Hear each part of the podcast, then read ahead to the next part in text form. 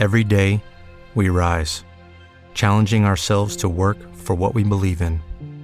At U.S. Border Patrol, protecting our borders is more than a job, it's a calling. Agents answer the call, working together to keep our country and communities safe. If you're ready for a new mission, join U.S. Border Patrol and go beyond. Learn more at cbp.gov/careers.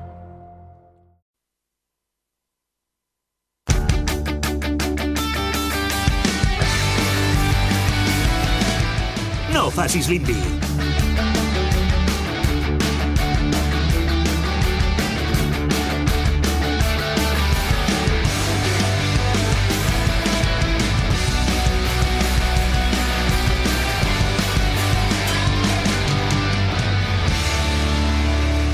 Hola, hola, benvinguts a No Facis l'Índia, Cultura FM. Avui és dilluns 26 de gener i aquesta setmana portem moltes coses. Avui ja mateix portem moltes notícies, molta actualitat, amb l'ajut d'en Sergio de Todo Punk i l'Anna serà l'encarregada d'escollir la cançó de la setmana. Hola, Sergio. Muy buenas. ¿Qué tal? Pues muy bien, ¿y vosotros? ¿Cómo Bien, estáis? bien. Vamos a ir al tajo porque hay muchas cosas que decir. Eh, antes voy a recordar las redes sociales. Ens trobareu a facebook.com barra no facis l'indi, twitter.com barra no facis l'indi i a Instagram i Spotify amb l'usuari no facis l'indi.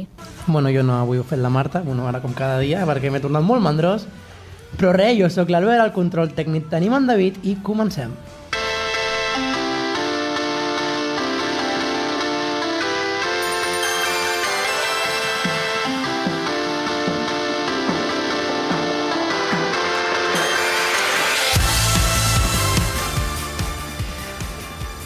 ¿Qué noticias destacas de Todo Punk esta semana, Sergio? Pues tenemos dos discos, uno nuevo que va a salir esta primavera, ahora veremos de, quién, y una serie de reediciones que también saldrán a principios de primavera. Eh, el primero de ellos se trata del nuevo disco de Anti-Flag, que, bueno, va a ver la luz, eh, como he dicho, esta primavera. No hemos confirmado, bueno, no se ha confirmado aún la fecha, sí el título, se titulará American Spring, es un juego de palabras con el tema de las primaveras árabes y todo esto. Y bueno, será lo más nuevo desde que en 2012 si no recuerdo mal, eh, publicasen The General Strike. Recordemos que este apunte, la publicación de un nuevo disco, ya nos lo adelantó Chris número 2, en, se llama así, en, la última entrevista que tuvimos ocasión de, realizarles hace como unos 3 o 4 meses. Y luego, en segundo lugar, tenemos a The Lookouts, que son la banda en la que tocaba Trey Cool, el batería de Green Day, antes de entrar en Green Day, y donde conoció a Billy Joe, que no es que se reúnan y vuelvan a publicar disco ni nada, sino que van a reeditar todo su material discográfico. Comenzarán también este mes de marzo, en- concretamente el día 10, a través del sello, atención, Don Giovanni Records. Así que, bueno, esto es, esto, es, esto es lo que traemos nosotros esta semana. Vale, pues ahora, bueno, vamos a hablar de una noticia compartida. Sí.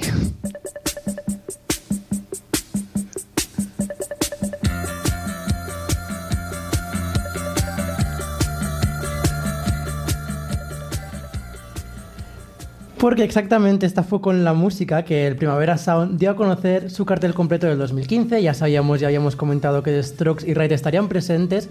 Y por otra parte, artistas como Sun Kill Moon y Richie Houghton se habían autoconfirmado en sus webs. Pero en cualquier caso, no fue hasta el pasado miércoles que se descubrió el cartel entero, por días además. Y se hizo mediante aquella famosa app que estuvieron promocionando durante muchos días. Que nada, que al final resultó ser un videojuego de aventura y plataforma. Que nada, que eso servía en definitiva para descubrir el, el cartel, esto decimoquinta edición del Primavera Sound. Eh, ¿Has tenido oportunidad de ver la aplicación, Sergio? Sí, la he curioseado un poco.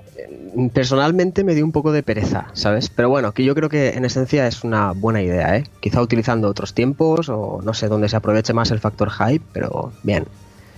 Sí, yo también la probé, pero la verdad es que me desesperé mucho. Eso de ir matando pajarracos, serpientes y demás no acaba de funcionar muy bien. Era como, sé que están en Twitter, sé que si voy al Twitter lo voy a ver. Ese es el Así que tema. fue verla, pero no jugar demasiado rato. Y no sé, ya centrándonos en algo más importante como es el cartel, ¿qué destacarías del cartel? ¿Qué grupos destacas? Bueno, pues eh, en lo personal y también concerniente a todo punk, yo destacaría a Brand New, que bueno, es un grupo esperado por aquí. Y a Mineral porque mm, para nada me los esperaba, ni que viniesen a, nuestro estado, ni que apareciesen por Europa siquiera, porque es un grupo de emo rock de los 90 que bueno estaba medio desaparecido, ahora anunciaron que iban a dar una serie de conciertos y me ha sorprendido mucho que vengan a la primavera. Luego también destacaría a Patti Smith, como no, y por gusto personal a The Black Keys y The Replacements. Pero bueno, en general me parece un cartel masivo, es, es bestial, más de 100 grupos en tres días, es una salvajada. Mucho. Yo, de hecho, cuando vi Brand New Mineral y American Football, que yo les añadiría a tu lista porque son muy grandes, dije, hostia, También. ahí va el rock melódico, ya tocaba. Y nada, según mi opinión, creo que los cabezas de cartel son un poco bleh, un poco así decepcionantes. Que, por otra parte, me planteo, viendo carteles otros festivales, digo, creo que tampoco había nadie más grande para girar que The Black Keys este año, esta temporada de festivales. Que a mí The Black Keys y Al Jay, por ejemplo, me gustan mucho y me alegro de que estén, aunque creo que no acaban de encajar con la filosofía del, del primavera, pero bueno, ahí están. Y nada, no sé, como siempre, la letra mediana de este festival, que es impresionante, que es lo que le hace destacar, que tienes para escoger cualquier cosa, letra mediana, que podría ser letra grande también, no sé, en definitiva es lo que yo creo. ¿Qué más informaciones nos puedes Yo dar? creo que de- matan moscas a cañonazos, ¿no? Sí, sí. ¿Yo? Perdona, perdona. Dime, dime, dime. poco cubrir todo el espectro. No, es que digo que, que es como matar moscas a cañonazos, ¿no? Cubren todo el espectro de gustos que te puedas imaginar. y- Totalmente. Sí, sí, es difícil A- no encontrar bestia, ¿no? al menos cinco gustos, cinco grupos que te gusten. Yo creo que cualquier persona, vayas o no vayas. Sí. ¿Qué más información nos puedes dar del festival, Sergio? Bueno, pues nada, que tendrá lugar los días 28, 29 y 30 de mayo, aunque el 27 hay una pinchada y tal, y que los abonos ya están a la venta en la web oficial del Festi, eh, y bueno, rondan precios que van de entre los 175 y los 195 euros dependiendo de- del periodo de compra. Han estado más baratos, pero obviamente conforme nos acercamos a la fecha, pues se va encareciendo la cosa. Sí, el precio que es otro mundo, que no vamos a entrar en él. Sí. Pero bueno, nosotros seguimos con más actualidad de No Facis Lindy.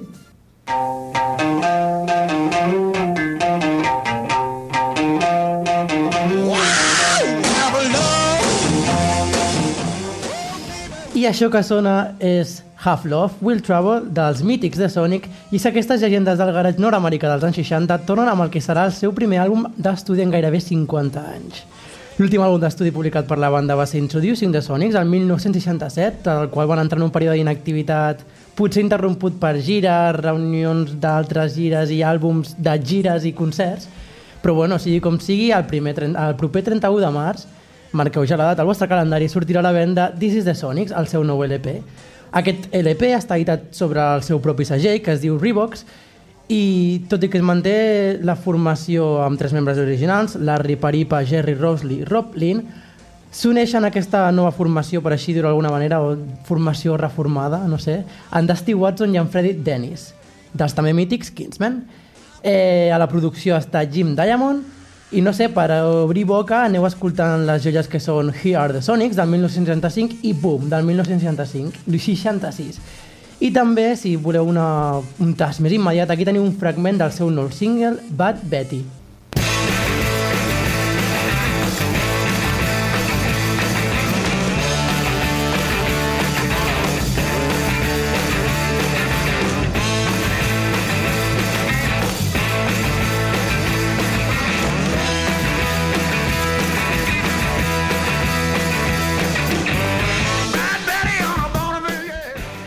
¿Conocías a The Sonic, Sergio? ¿Perdón? Que si conocías a The Sonic, Sergio. Está ya, tío. Sí, sí, hombre, claro. Sí que les conocía. Eh, ¿Y qué te parece este nuevo fragmento que después de escuchar ese nuevo? Pues- ¿Lo has escuchado en su integridad? Sí, sí, lo he escuchado en su integridad y me ha sorprendido. ¿eh? Era una noticia que me ha pillado un poco por sorpresa, aunque les conocía. Y ya te digo, un sorpresón y además me genera mucha curiosidad ¿eh? después de haber escuchado este adelanto, porque es lo que comentabas, ¿no? Después de que vuelvan a grabar tras yo no sé cuántos años y con esta formación, pues yo creo que merece estar bien atentos. Sí, sí, además vienen con una fuerza los abuelitos, por así decirlo, sin ser un poco borde. Pero nada, esto es lo que hay. Eh, passem a repassar els concerts.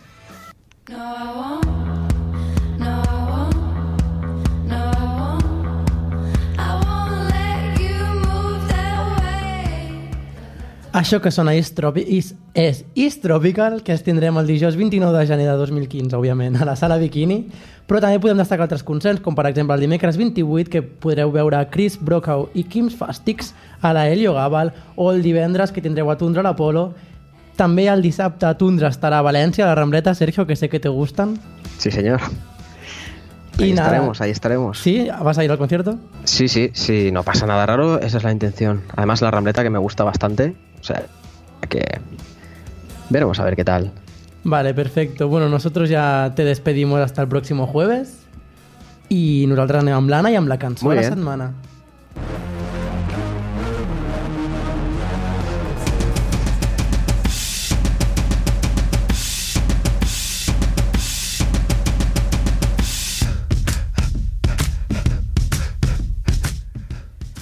Hola, Anna. Molt bones, com anem? Molt bé, anem molt bé aquí, ja ho has vist, molt ocupats. Sí, sí, sí, que fort lo de The Sonics. Sí? Que fort. També t'agraden? Sí. sí. Bueno, no, no sóc uh, molt, molt fan, però m'ha- m'ha- m'han impressionat moltíssim amb la notícia. Però, bueno... Centrem-nos en la teva No, cançó, parlem de Sonics. Sí. Parlem de Tim Minchin, que és, que és el senyor que us porto avui. De fet, ja us n'havia parlat a l'especial de cap d'any com una de les meves Mhm. troballes de finals de 2013 i durant tot el 2014, que és un cantautor australià. Bueno, us, el vaig descriure com un cantautor australià, però és moltes coses. És, uh, els shows que fa normalment són més uh, com un espectacle més semblant a mm, com de monòlegs que, que un concert, perquè el tio té, té un rotllo molt guai, junta com moltes contradiccions. És pianista, a vegades, bueno, toca pianos de, toca piano de cua, a vegades fa coses com molt clàssiques, però l'aspecte que té és d'estrella de rock en plan uh, hard rock o, o glam, vull dir, té una melanassa pèl roja, va molt maquillat, té, està molt sèrio, però després fa com un somriure molt de nen petit i té la veu molt aguda i no saps del tot on posar-te. I res, fa denúncia social, fa humor més tonto i va tocant el piano, de tant en tant s'aixeca del piano i fa un, això, un petit monòleg i torna al piano i fa una altra cançó. Mm, També és conegut per fer, per mm, compondre l'adaptació de, bueno, la música de l'adaptació musical de Matilda, de, de Roald Dahl, mm. és la seva gran obra, és el seu bebè. També ha fet d'actor, ha sortit a Californication, sense anar més lluny. Sí? Sí, ha, No l'he fet... reconegut als vídeos al YouTube, però... Ha fet una mica... Atticus Fetch, crec que es deia el seu personatge. Un, Ah, con una, sí, sí, sí, té una trama una mica... Sí, uh, bueno, el que es porta a Sí, sí, sí, Californication, sí, no? realment. Doncs això. I aleshores, uh, com a cantautor, ha estat molt polèmic, s'han uh, s'han ficat molt amb ell, bueno, perquè ell també fot molta canya. És allò que et fa riure, però també et fa pensar i et fa venir moltes ganes de donar-li les gràcies de, per haver dit les coses clares, però també de rebentar alguna paret, perquè és allò de merda, sí, té raó, tot el, tot el que està dient, per què no estic més emprenyada, per què no estic tan emprenyada com ell? I, i aquestes coses. I, però també té humor molt més tonto, vull dir, la cançó que estem sentint de fons es diu Cheese, i, i és ell explicant el que li agrada el formatge. Aleshores, hi ha de tot. Estilísticament, encara que toqui el piano de cua, se'n va sempre cap al funky, sempre se li escapa el funky por ahí, i no sé, és molt divertit. Jo, jo me l'estimo moltíssim i a més té aquest, aquest, aquest, aquest tuang, aquesta veu, bueno, el tuang és una qualitat Sí, de sí. veu. Jo, com a curiositat, quan estava aprenent les qualitats vocals, vaig aprendre a fer tuang gràcies a imitar en Tim Minchin. Pensava, quan em van ensenyar què era, vaig dir, vale, és la veu d'en Tim Minchin, només he d'imitar en Tim Minchin i així arribaré al tuang perfecte. I ara sóc una estrella del tuang gràcies a ell. Aleshores, la cançó que et porto es diu Prejudice i ajunta una mica tant aquest humor tonto que et deia com la denúncia social i heu de tenir molt present, crec que us, us hauria de recordar abans de res uh, que això, l'aspecte d'en Tim Minchin, l'as- l'aspecte del senyor amb supermelenaza pèl roja, molt sèrio i molt maquillat, per quan sentiu la cançó esteu atents i si no controleu del tot l'anglès, després uh, de la cançó fem uns petits aclariments perquè entengueu lo fantàstic que és uh, el joc de paraules que està fent. I de seguida podem Vale, doncs anem a escoltar Prejudice.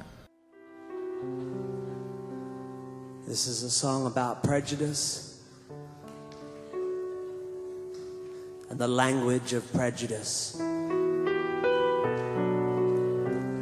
the power of the language of prejudice. It's called Prejudice. Prejudice.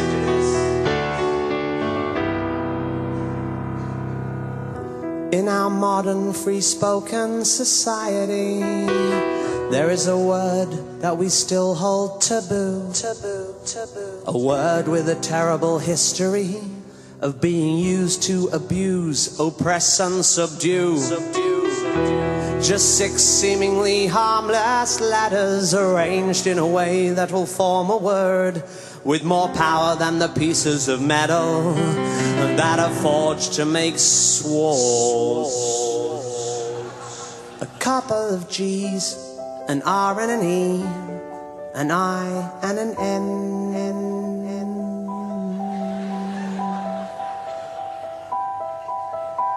Just six little letters all jumbled together have caused damage that we may never mend. And it's important that we all respect that if these people should happen to choose to reclaim the word as their own, it doesn't mean the rest of you have a right to its use.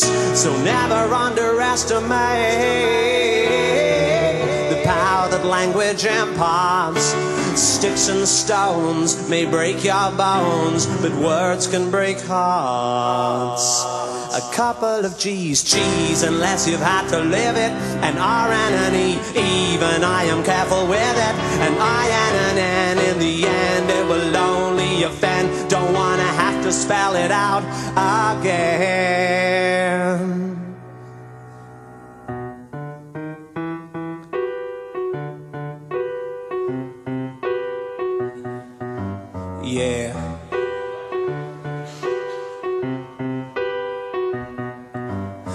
Only a ginger can call another ginger ginger.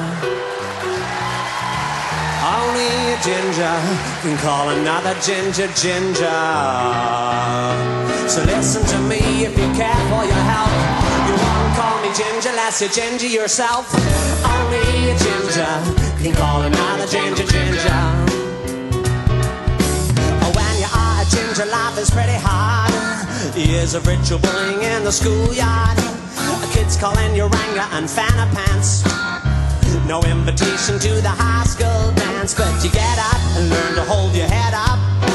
You try to keep your cool and not get head up. But until the feeling of ill is truly let up, then the word is ours and ours alone. Don't you know that only a ginger can call another ginger ginger? Only a ginger can call another ginger ginger. So if you call us gins, we just might come unhinged. If you don't have a fringe,